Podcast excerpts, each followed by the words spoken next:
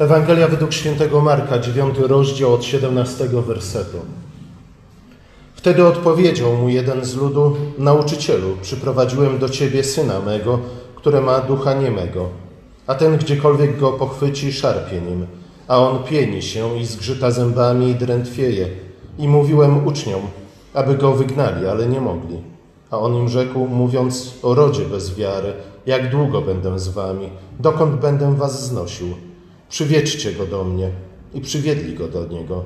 A gdy duch ujrzał, zaraz zaczął nim szarpać, a on, upadłszy na ziemię, tarzał się z pianą na ustach i zapytał ojca jego, od jak dawna to się dzieje. A on odpowiedział, od dzieciństwa. I często go rzucał nawet w ogień i wodę, aby go zgubić. Ale jeżeli coś możesz, zlituj się nad nami i pomóż nam. A Jezus rzekł do niego, co się tyczy tego, jeśli coś możesz, to wszystko jest możliwe dla wierzącego. Zaraz zawołał ojciec chłopca, wierzą, pomóż niedowiarstwu memu.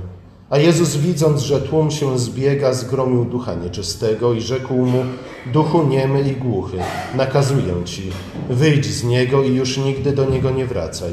I krzyknął i szarpnął nim gwałtownie, po czym wyszedł, a chłopiec wyglądał jak martwy, tak iż wielu mówiło, że umarł. A Jezus ujął go za rękę i podniósł go, a on powstał. Oto Słowo Boże.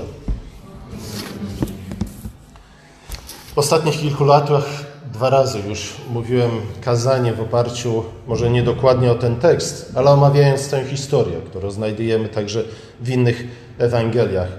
Myślę, że warto pamiętać o tym, iż to zdarzenie miało miejsce zaraz po tym, jak Jezus z Piotrem, Janem i z Jakubem zeszli z góry przemienienia. Wszyscy chcieli zostać na górze przemienienia, przynajmniej wszyscy trzej apostołowie, ze względu na to, że było im tam tak bardzo dobrze. Po co wracać do rzeczywistości tego świata, jeśli jesteśmy z Chrystusem, z Mojżeszem, z Eliaszem na górze przemienienia?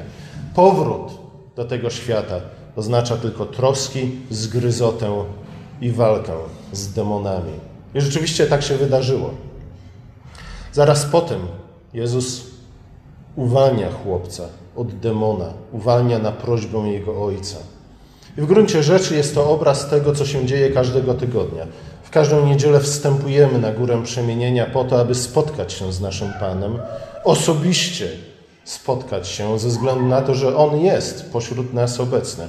Jest obecny w swoim słowie, jest obecny w chlebie i winie, jest obecny także, to jest najdziwniejsze w tym wszystkim, w nas, tu zebranych, ze względu na to, że my jesteśmy Jego ciałem. Ale dzisiaj nie do końca o tym chcę mówić.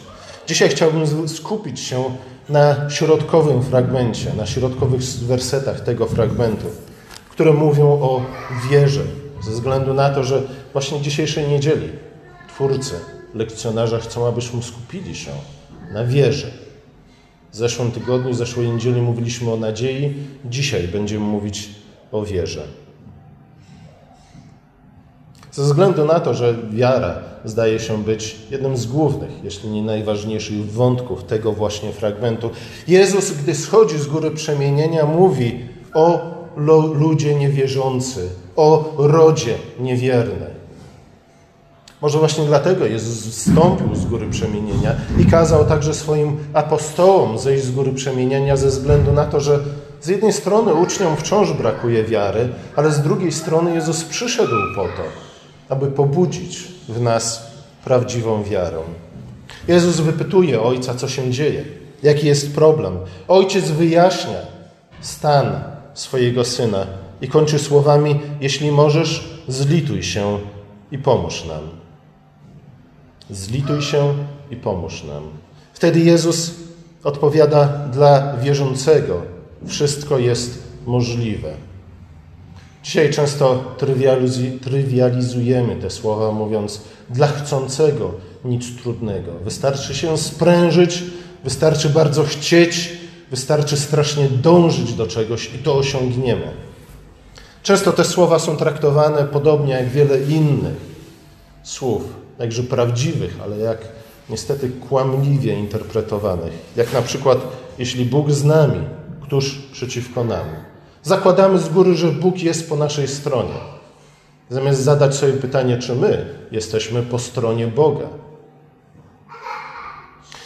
Pozbawiamy tego typu wypowiedzi ich kontekstu, a wtedy możemy z nimi uczynić praktycznie wszystko.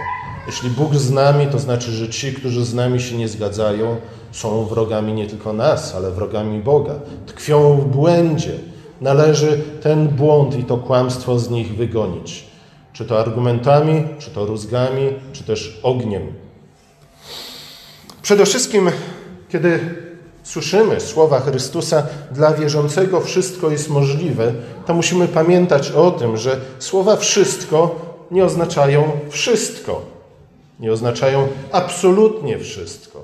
Nie my bardzo często, gdy podchodzimy do nie tylko tekstu pisma, lubimy absolutyzować wszystko. Ale wszystko nie znaczy wszystko.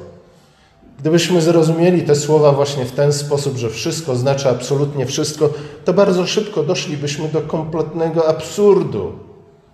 Bo przecież nie wszystko jest możliwe dla tego, który wierzy. Na pewno nie chodzi Jezusowi o rzeczy, które są sprzeczne z wolą albo też z charakterem samego Boga. Zgadza się?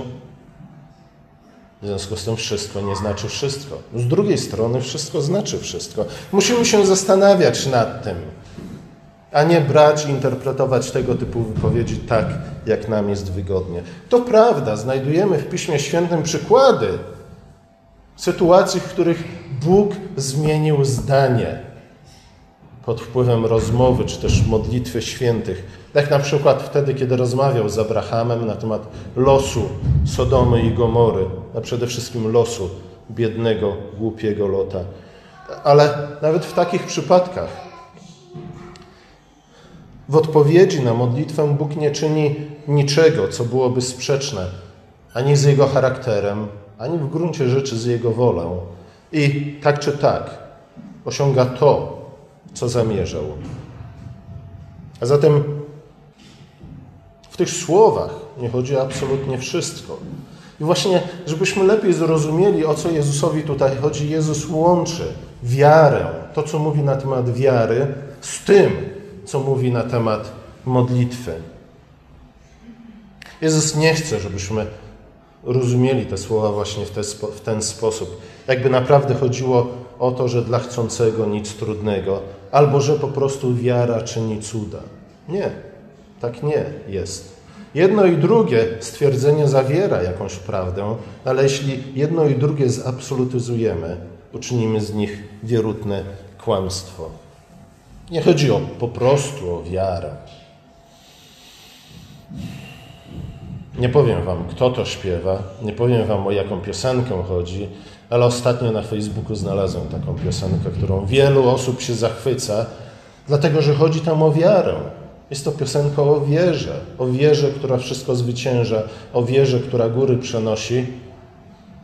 Ale to jest ciekawe, że w tej piosence nie ma żadnego odniesienia praktycznie do Chrystusa, do Pana Boga, do Pisma Świętego. Są aluzje, są napomknienia, ale broń Boże niezbyt dokładne, żeby kogoś nie zniechęcić, żeby ten, ta pieśń tak zwana nie stała się zbyt chrześcijańska.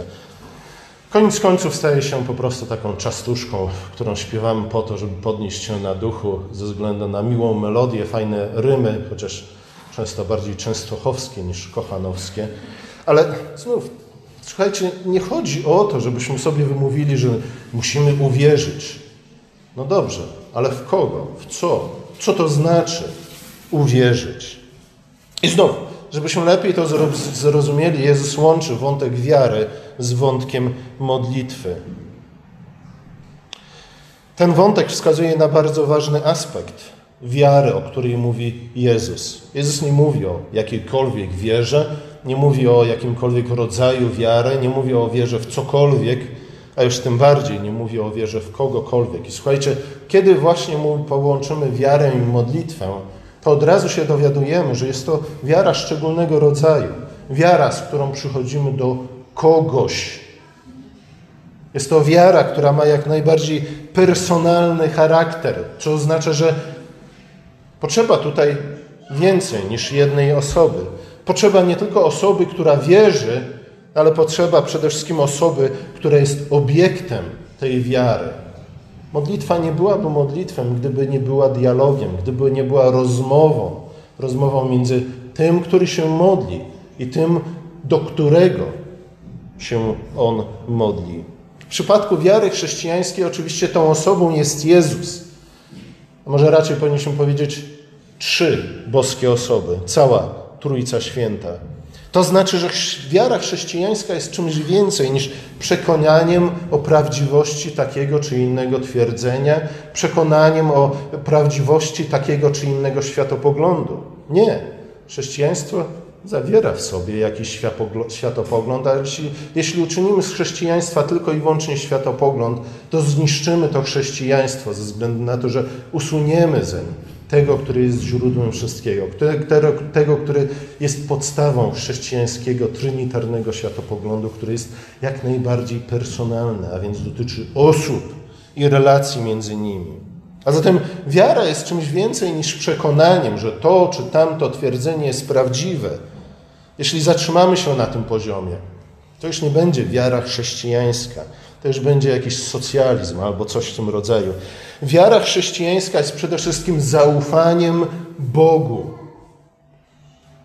A jeśli zaufaniem, to również zawierzeniem.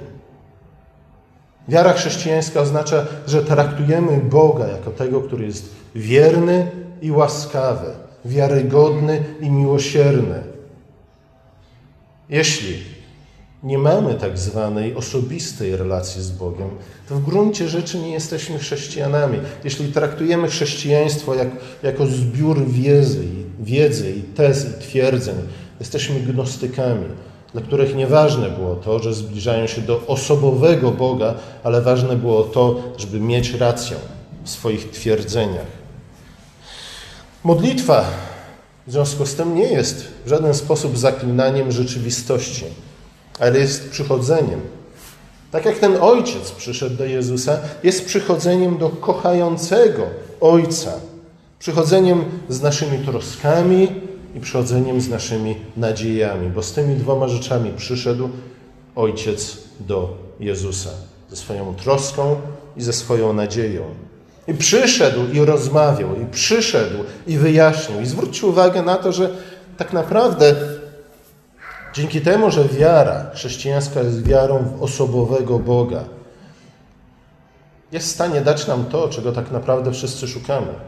Każdy z nas chce zostać wysłuchanym.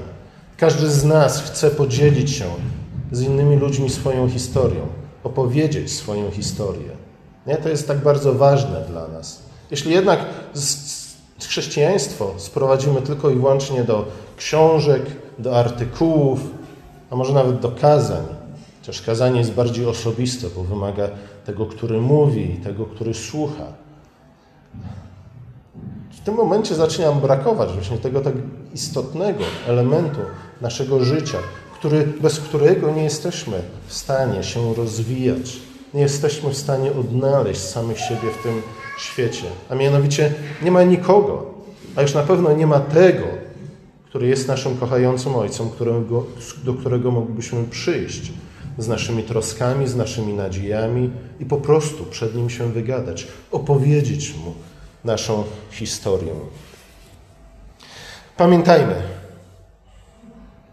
że ojciec opętanego chłopca przychodzi do Jezusa właśnie w ten sposób. I tak my powinniśmy przychodzić do Boga ze swoimi troskami i ze swoimi nadziejami może też od czasu do czasu, z jakimś dziękczynieniem. I mówi do niego: Pomóż nam, zlituj się nad nami. Troska o syna jest tym, co kieruje ojca ku Jezusowi, tym, co przyprowadza ojca do Jezusa. Często rzeczywiście tak jest w naszym życiu, że to troska sprawia, że padamy na kolana. Ale z drugiej strony, miłosierdzie Jezusa jest tym, co stanowi podstawę nadziei tego Ojca. Miłosierdzie Chrystusa jest tym, co sprawia, że chcemy przyjść właśnie do Niego, a nie do kogoś innego. A ponieważ przychodzimy do Jezusa i On jest podstawą, Jego miłosierdzie jest podstawą naszej nadziei, dlatego w gruncie rzeczy nieważne jest, jak silna albo jak słaba jest nasza wiara. Ważne, może ważniejsze, o wiele ważniejsze jest to, do kogo przychodzimy z naszą wiarą. Prawdziwa wiara opiera się bowiem nie na samej sobie, ale na mocy tego, ku któremu się kieruje.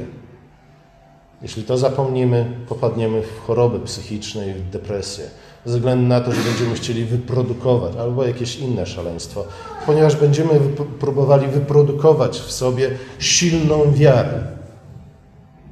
Tak naprawdę nie wiedząc za bardzo, w jaki sposób mamy to wyprodukować, albo skąd będziemy wiedzieć, że ta wiara osiągnęła odpowiednią siłę. Słuchajcie, drastyczny przykład. E, nie powiem gdzie, nie powiem kto, może się domyślicie. Drastyczny przykład, ze względu na to, że jest rodzina i ma dziecko, które choruje. I starsi kościoła mówią: Słuchaj, jeśli pójdziecie, słuchajcie, jeśli pójdziecie z tym dzieckiem do lekarza, będzie to przejawem słabej wiary i zwątpienia w moc Bożą. Macie pójść do Boga, paść na kolana i modlić się do Niego o uzdrowienie tego chłopca. I oni to robią. Zabierają dziecko ze szpitala i zamiast tego modlą się nad nim, modli się cały Kościół. Oczywiście dziecko umiera. Ale wtedy starsi Kościoła przychodzą do tej rodziny i mówią: Słuchajcie, to dziecko umarło tak jak łazarz, żeby się okazała jeszcze większa moc Boża. Teraz jeszcze bardziej się módlcie Idźcie nad jego grób, wykopcie trumnę, nie? a wtedy on zmartwychwstanie. Jeśli tego nie zrobicie, to będzie to znakiem, że to jest słaba wiara i dlatego on pozostanie już na zawsze w grobie. I rzeczywiście poszli, odkopali, otworzyli trumnę, potem przyjechała policja i ich aresztowała. E, słuchajcie, jeśli nie zrozumiemy nie, tych podstawowych rzeczy dotyczących wiary, doprowadzimy siebie prędzej czy później właśnie do takiego stanu. Nie? Albo pozwolimy się, żeby jakiegoś różnego rodzaju szarlatani doprowadzili nas do takiego stanu. Jezus niczego takiego nie uczy. Jezus mówi, że słuchajcie, wiara to jest przede wszystkim troska i nadzieja. Troska jest tym, co nas prowadzi ku temu, który jest źródłem nadziei. Prowadzi nas do Chrystusa, prowadzi nas do Boga Ojca, który jest wierny i łaskawy, wiarygodny i miłosierny. Autor listu do Hebrajczyków mówi, że bez wiary nie możemy podobać się Bogu, bo kto przychodzi do Boga, musi wierzyć, oczywiście, że On istnieje, ale także, że nagradza tych, którzy Go szukają. I znów zwróćcie uwagę na to, że kto nagradza? Co jest źródłem nagród? Co jest źródłem pocieszenia? Co jest źródłem nadziei? Bóg, który nam to wszystko daje. Nie wiara.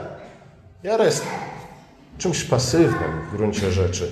Wiara jest tym, co, czym przyjmujemy, to, co Bóg nam daje, ale od wiary naszej zdecydowanie ważniejszy jest ten, w którego wierzymy.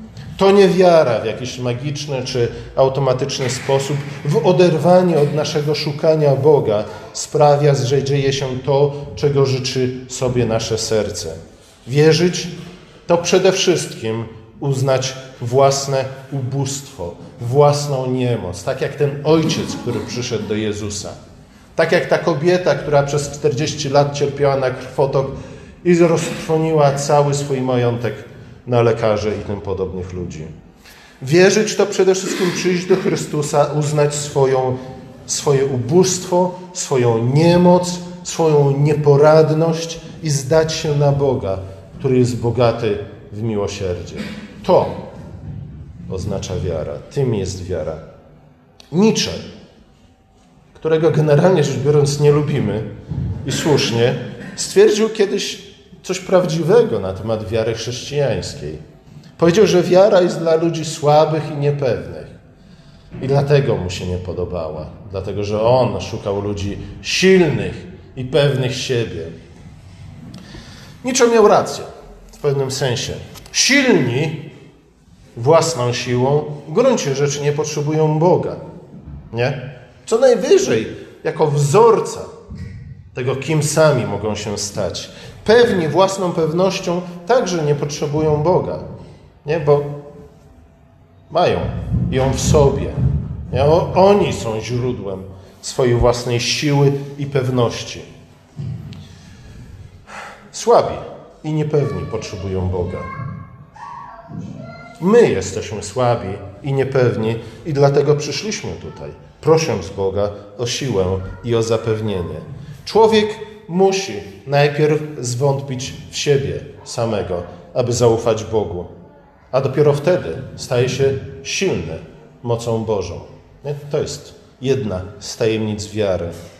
To właśnie dlatego Jezus stawia małe dziecko przed nami jako wzór wiary, jako przykład wiary. Czy dziecko jest silne? Małe dziecko, czy jest silne? Oczywiście, że nie. Nie tylko, że nie potrafi chodzić, ale nie potrafi zmienić sobie samo pieluch. Nic samo nie potrafi, oprócz krzyczenia i płakania. Czy małe dziecko jest pewne czegoś? Czy małe dziecko jest pewne siebie? Oczywiście, że nie. Jego siła i jego pewność pochodzą od rodziców, którzy je kochają i którzy się o nie troszczą. Do małego dziecka moglibyśmy mówić i mówić i mówić. Słuchaj, weź się w garść. Słuchaj, dla chcącego nic trudnego. Nie? Ogarnij się, chłopie, i zmienij tę pieluchę. I co? Niewiele by to mu pomogło. Dlatego Bóg nie tak nas traktuje. Oczywiście On później prowadzi nas ku dojrzałości poprzez nadzieję, która jest wytrwałością, ku miłości, która jest tym, co budzi w innych wiarę. Ale wiara jako taka tak nie funkcjonuje. Bóg, żeby wzbudzić w nas wiarę i umocnić ją, nie mówi chłopie ogarnij się, chłopie weź się w garść. Nie. To by nie zadziałało, tak jak nie działa w przypadku małego dziecka. W liście do Hebrajczyków również znajdujemy coś, co można nazwać definicją biblijnej wiary. Oczywiście nie jest to definicja, jakiej, jaka by nas usatysfakcjonowała, to nie jest definicja, jaką byśmy znaleźli nawet w podręcznikach socjologii czy psychologii, a jednak są to słowa, które bardzo wiele mówią nam na temat wiary, o której mówi Pismo Święte, na temat wiary, która powinna rozwijać się także w naszych sercach. Wiara jest pewnością tego, czego oczekujemy. Wiara nie jest pewnością tego, co widzimy, ale pewnością tego, czego oczekujemy. Jest przekonaniem o tym, co niewidzialne, czyli czego jeszcze nie widzimy. W innym mieście, mieście czytamy, że po zmartwychwstaniu, w tym sensie, w jakim potrzebujemy wiary tu i teraz, nie będziemy potrzebować, bo będziemy oglądać już wszystko na własne oczy, ale jeszcze nie jesteśmy do tego gotowi. Dlatego potrzebujemy wiary. Zatem wiara, to mówi autor listu do Hebrajczyków, wyrasta ze znajomości Boga, a także z obietnic, które On nam dał. O tym opowiada cały jedenasty rozdział listu do Hebrajczyków, mówiąc o bohaterach wiary. Myślę, kiedy chcemy zrozumieć, czym jest biblijna wiara, jeśli chcielibyśmy nawet kiedyś zostać bohaterem wiary, to właśnie przede wszystkim ten rozdział powinniśmy studiować, żeby zrozumieć lepiej, co to znaczy żyć wiarą. Żyć wiarą to nie twierdzić, że zawsze mamy rację. Żyć wiarą to nie, zna, nie, nie, nie oznacza, że Bóg zawsze jest po naszej stronie, niezależnie od tego, co zrobimy, co powiemy, dokąd się udamy. Nie. Żyć wiarą to jest przede wszystkim uchwycić się obietnic Bożych, które rodzą w nas wiarę, rodzą, budzą w nas nadzieję i dążyć, pielgrzymować ku spełnieniu tych obietnic. A więc to jest życie między momentem, w którym otrzymaliśmy obietnicę, a każdy z nas otrzymał tę obietnicę, chociażby wtedy, kiedy otrzymał sakrament chrztu, który jest niczym innym jak właśnie obietnicą, przyrzeczeniem, które Bóg nam daje, a dniem zmartwychwstania, kiedy te obietnice do końca zostaną spełnione. Więc żyjemy, żyć wiarą to żyć w tym okresie między obietnicą a jego spełnieniem. Tym, co teologowie nazywają już, ale jeszcze nie. Obietnice Boga z kolei opierają się na niczym innym, jak właśnie na Jego charakterze, który czasami nazywamy Jego naturą, a przede wszystkim na Jego wierności i miłosierdziu. Jeśli Bóg jest łaskawy i wiarygodny, to spełni to, co obiecał. I na tym się opiera nasza wiara. Jeszcze tego nie widzimy, jeszcze tego nie doświadczamy, ale na tym właśnie polega wiara, że jeszcze tego nie widzimy i jeszcze tego w pełni nie doświadczamy. Bo wiara jest pewnością tego, czego oczekujemy, przekonaniem o tym, czego jeszcze nie widzimy.